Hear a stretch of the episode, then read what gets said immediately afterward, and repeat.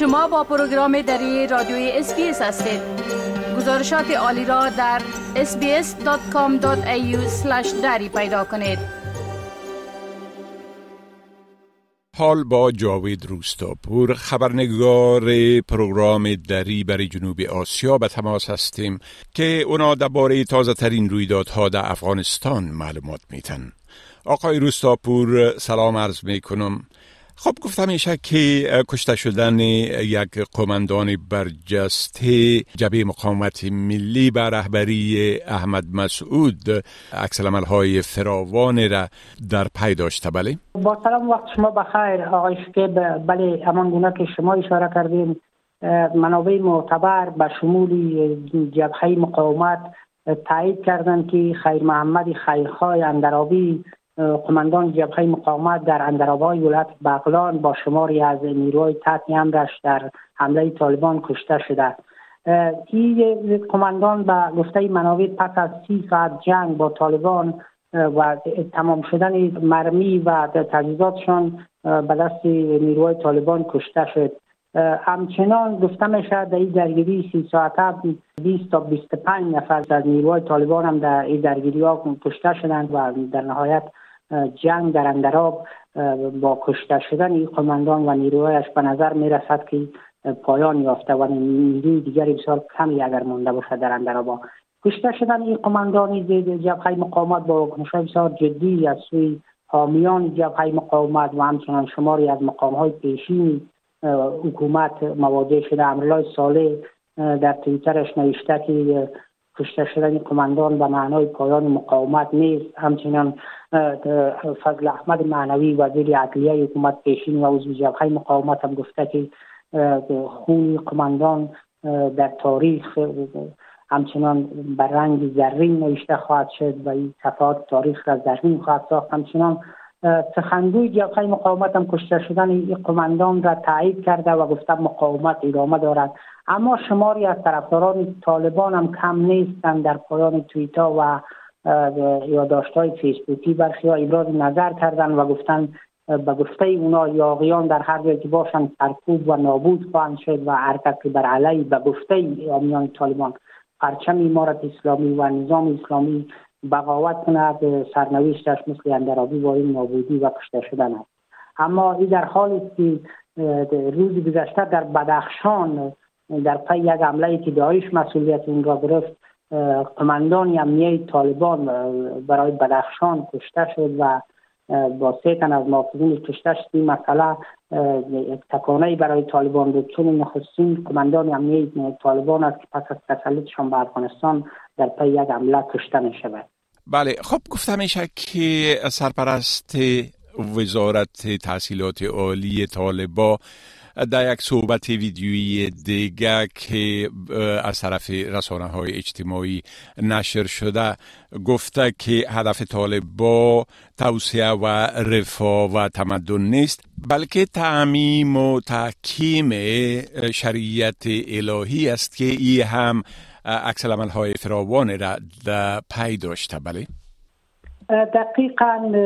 بار دیگر اظهاراتی را که سرپرست وزارت عالی طالبا مطرح کرده با واکنش های گسترده در شبکه های اجتماعی و همچنان در برخی رسانه های بیرون مرزی که برای افغانستان نشرات دارند به همراه شده. در ویدیوی جدیدی که در شبکه های اجتماعی نشر شده ندا محمد ندیم سرپرست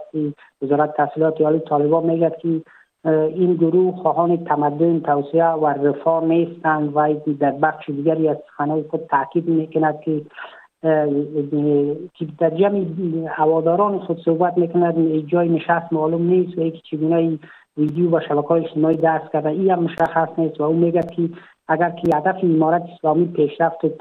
تمدن مردم و رفاه مردم می بود از ابتدا هم جمع ضرورت نبود و در دور اول هم اسامه بن لادن را تسلیم می‌کردند و همان طوری که حالا می‌خواهند زنان را آزاد میگذاشتند کار می‌کردند و درس میخواندند. او میگه که وضع مدودیت های اعمال شده بر زنان می‌تواند که به یک سلای هسته‌ای بر علیه آنها استفاده شد ولی اینا نمی‌گذارند که زنها بالاخره درس بخوانند و آنچه که شریعت گفته و گفته از او را تطبیق کنند این اظهارات آقای ندیم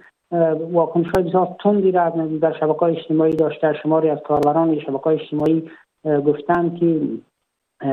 این و سخنان نشان میده که طالبان تا چه اندازه جاهل هستند و تا چه اندازه در حقیقت دشمنی مردمی افغانستان و دشمنی افغانستان هستند و برخی هم گفتند که دکته خارجی راست و طالبان یک گروهی هستند که از طرف استخبارات منطقه به ویژه پاکستان ساخته شدن برای نابودی افغانستان.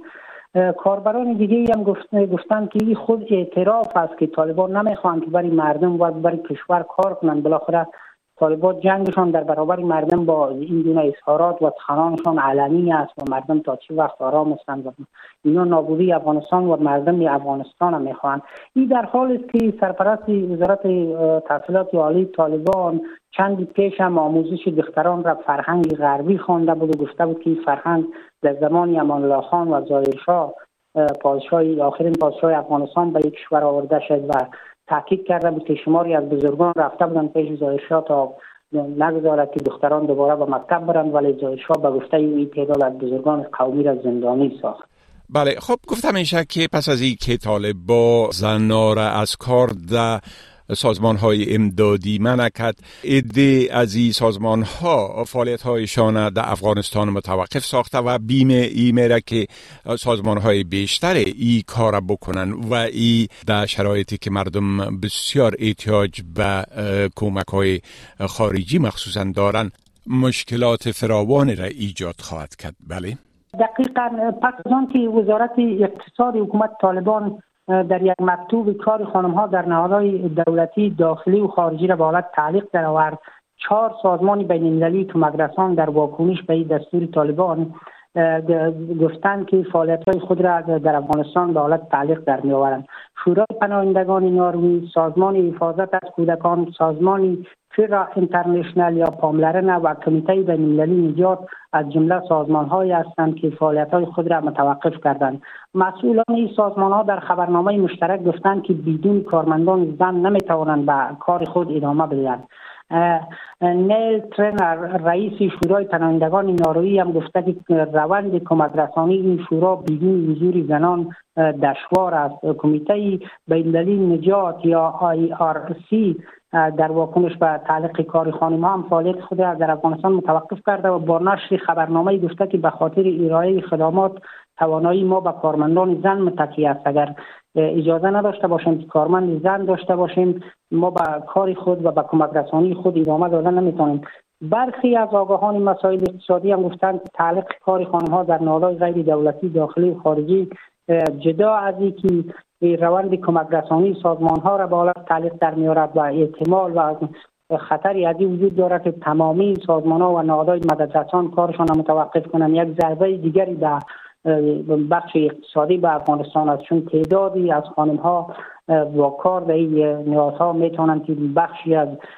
مشکلات اقتصادی و مصارف اقتصادی خانواده ها را تکافو کنند و پولی از جا همچنان پول معاش که می‌گیرند در بازار گردش می‌کنند که مثلا سبب میشه که این پول از جستشان برد و بخش اقتصادی هم ضربه وارد کنه اما بله. طالبان تاکیدشان این بوده در آخرین مورد که باز هم زبیالله مجاهد گفته که از خارجی ها و از سازمان های خارجی که در افغانستان فعالیت دارند می‌خواهیم که در مسائل داخلی افغانستان مداخله نکنند. بله خب بسیار تشکر آقای روستاپور از این معلوماتتان و فعلا شما را به خدا می سپارم و روز خوش برتان آرزو می کنم وقتی شما هم خوش خدا حافظ ناصرتان. می خواهید این گونه گزارش ها را بیشتر بشنوید؟ به این گزارشات از طریق Apple Podcast، Google Podcast، Spotify و یا هر جایی که پادکاستتان را می گیرید گوش دهید.